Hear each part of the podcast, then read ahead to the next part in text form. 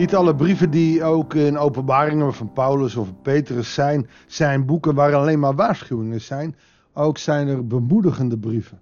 Zo ook de tweede brief aan de gemeente van Smyrna is of, ja, min of meer toch een bemoedigende brief.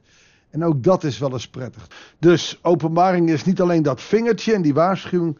Het is ook een brief van bemoediging. En ik denk dat we hier ook meteen op de strekking zitten van openbaringen. Dat wat altijd als angstaanjagend, want dat is de eindtijd, kan ook nog wel eens gewoon bemoedigend bedoeld zijn. Ja, als je het letterlijk opneemt, dan zijn er wel heel veel dingen die, die keihard binnenkomen. Maar de bemoediging die erin zit, is eigenlijk veel belangrijker. Want wanneer Jezus terugkomt, weten we niet. Maar dat we er klaar voor moeten zijn. En dat we goede dingen doen. Moeten we ook af en toe horen om, om te volharden in het geloof. Laten we kijken naar wat Openbaringen 2, vers 8 tot en met 11, wat is het, uh, ons gaat vertellen. Goeiedag. Hartelijk welkom bij een nieuwe uitzending van het Bijbels Dagboek. We lezen dus Openbaringen 2 vanaf vers 8. Daar gaat het over de brief aan Smyrna. Schrijf aan de engel van de gemeente in Smyrna. Dit zegt hij, de eerste en de laatste. Die dood was en nu leeft. Nou, dat is Jezus die schrijft aan de gemeente in Smyrna. Wanneer deze ontstaan is, die gemeente weten we niet. Vermoedelijk heeft dat te maken met de reis van Paulus naar Efeze. Smyrna uh, wordt over het algemeen gekoppeld aan Efeze. Twee belangrijke steden, trouwe bondgenoten van Rome. En uh, de meest welvarende steden samen met Efeze van Klein-Azië. Samen met Efeze dragen ze de titel de eerste van Azië. Oftewel, het waren, als het de, de capitals, de hoofdsteden van Klein-Azië. In Smyrna is er een Joodse gemeenschap die zeer vijandig stond tegenover de christenen en behoorlijke invloed had op burgerlijke autoriteiten. Dus de Joodse gemeenschap heeft een belangrijke positie en is tegen het christendom, tegen, maar staat niet op vriendschappelijke basis. Nou, dit zegt hij die de eerste en de laatste is, de Alfa en de Omega, die dood was en nu leeft. Ik weet van de ellende en de armoede waarin u verkeert, hoewel u rijk bent. Het is dus een belangrijke stad. Ook de Joden doen het altijd goed in een uh, grote stad. Tot de Tweede Wereldoorlog ook hadden de Joden in Amsterdam, maar ook in Antwerpen grote uh, businessen waarin ze duidelijk hun rijkdommen konden verdienen. Maar toch zien ze ook de ellende. je zou kunnen zeggen heel actueel dit. Want Israël verkeert alweer in ellende geldt ook voor de Palestijnen. Dus er is weer heel veel uh, bloedvergieten daar. Maar in dit geval gaat het om een, een groep christenen die, die worden onderdrukt. De ellende, de armoede weer verkeerd. U bent rijk, maar dan kun je nog arm zijn. En dat is meteen ook een hele mooie boodschap. Een bemoediging voor mensen die uh, niet veel geld hebben. Uh, je kunt ook rijk zijn. Uh, het komt wel lekker clichématig over. Van ja, maar je bent wel rijk hoe je bent een kindje van de Heer. Toch is het geluk wat wij zoeken. Als we dat zoeken in geld, in status, in macht, dan zoeken we verkeerd. Maar als we het vinden in wat Christus voor ons betekent, echt oprecht geloof, dan valt het niet altijd mee. Maar dan komen we wel veel verder in, ja, in de zoektocht naar ons werkelijk geluk. Maar ze worden hier onderdrukt en dat is ontzettend moeilijk. Ik weet hoe u belasterd wordt door mensen die zich Joden noemen. En nou gaat hij meteen uh, een, een, verschil maken tussen echte Joden en niet-Joden. En dat niet zijn. Want, ik, ik mag daar binnenkort over preken. Een Jood heeft van origine de opdracht vanuit de Torah om gastvrij te zijn. Dat betekent dat je dus mensen die wel in God geloven, maar niet uh, Jood zijn.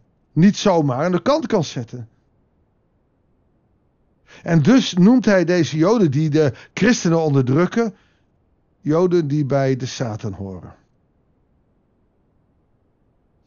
En ook dat merken wij in deze tijd. Niet alleen in Israël, maar ook in ons eigen leven.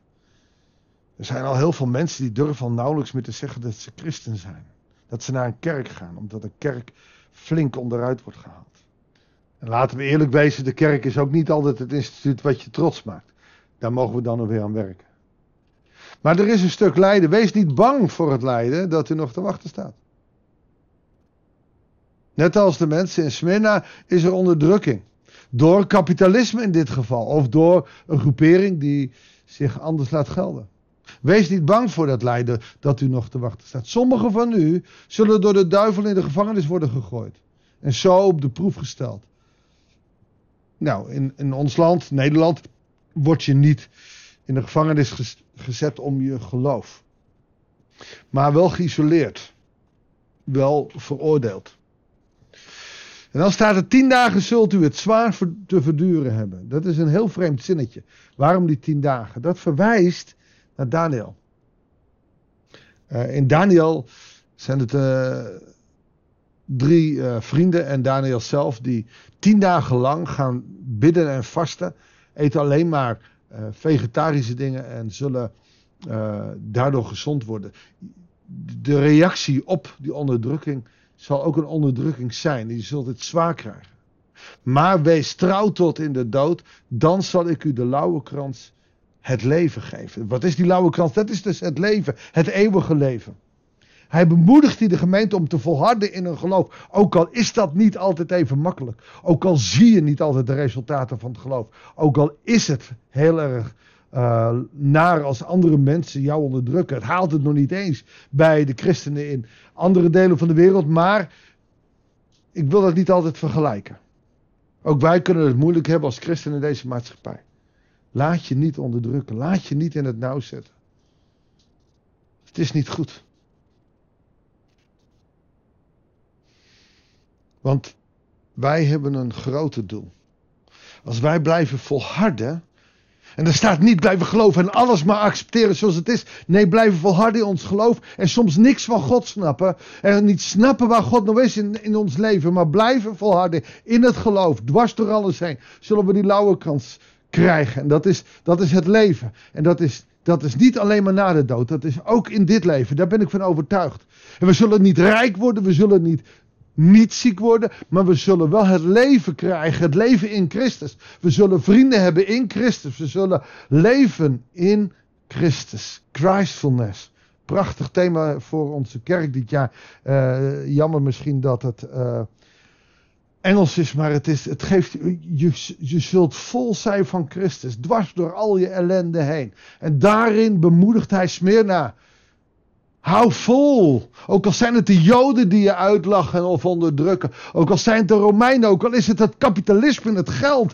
Misschien heb jij wel te veel geld. Of wil jij te veel geld. Of jaag je alleen maar net te veel geld. Wees in Christus. Daarin is je geluk. En dan krijg je ook straks de lauwe krans, het leven, het eeuwige leven. Wie oren heeft, moet horen wat de geest tegen de gemeente zegt. Wie overwint, zal van de tweede dood geen schade ondervinden. De eerste dood is de lichamelijke dood. De tweede dood, dat is als we naar de Heer gaan. En dan zullen we bij die Heer zijn. Dat is een manier van vertellen die tweede dood. De eerste dood is ook de doodsheid van het geloven zonder God. Het leven zonder God is een eerste dood. De tweede dood is dat ons leven uit ons trekt, maar ons leven zal eeuwig leven ontvangen. Dus de dood is de overstap naar die eeuwigheid. Niet als cliché, maar als werkelijk waar een bemoediging. Dat wilde hij en die gemeente zeggen. Jullie zijn rijk, jullie hebben last van het kapitalisme. Hebben wij in Nederland ook last van. Of al die luisteraars. in Zweden is ook westers land. Uh, Los Angeles zitten luisteraars. Hey, hello everybody. Far, far away. Weet je, het maakt me niet uit. De meeste Nederlanders die luisteren zitten wel in landen waar het kapitalisme ook sterk aanwezig is. Misschien op enkele na. Dat is een onderdrukking van jouw geloof. Het is een onderdrukking van mijn geloof. Want waarom zou ik God geloven als ik een huis heb, een verzekering heb en een auto heb en een, werk heb? Dan heb ik nog geen lauwe krans. Ik heb geen, geen kroon, geen zegen. Ik heb geen doel en geen perspectief. Dat wordt de gemeente in Smyrna beloofd. Mag ik met je bidden? Trouwe God en Vader, wil ons bij de les houden dat we niet het kapitalisme, niet Satan, niet onszelf, maar u als koning houden.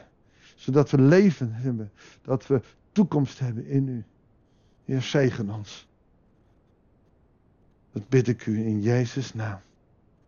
Vul ons in de kracht van uw geest. Dat bid ik u in Jezus' naam. Heer, geef ons die lauwerkrans. Dat bid ik u in Jezus' naam. Want met uw leven is het echte leven. In Jezus' naam. Amen. Dankjewel voor het luisteren. Ik wens je God zegen heel graag. Tot de volgende uitzending van het Bijbelsdagboek.